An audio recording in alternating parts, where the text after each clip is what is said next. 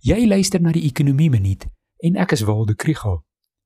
Ek was die afgelope week in die Oos-Kaap Karoo en het die geleentheid gehad om die lede van die Nooitgedag Boerevereniging toe te spreek oor die makro-ekonomie en wat die pandemie, pryse, koste en beleide alles inhou vir die boerderybedryf. Die interessante aspek is egter wat die boere alles op die hart het. Die eerste punt is om te verduidelik watter soort boere ek nou van praat.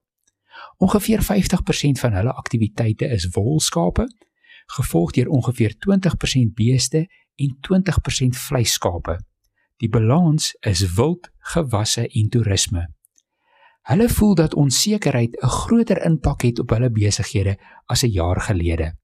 Hulle bekommernisse is die pryse van hulle produkte en die koste van insette.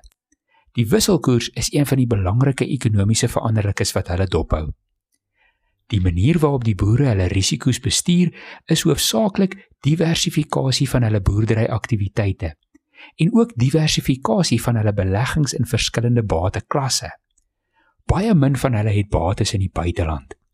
Ek het ook sommer gevra wat hulle sou koop as een van hulle hierdie naweek die lotto sou wen. En die antwoorde is vaste eiendom, vee en nog boerderygrond. Ek dink dat ander besighede in Suid-Afrika baie by boere kan leer.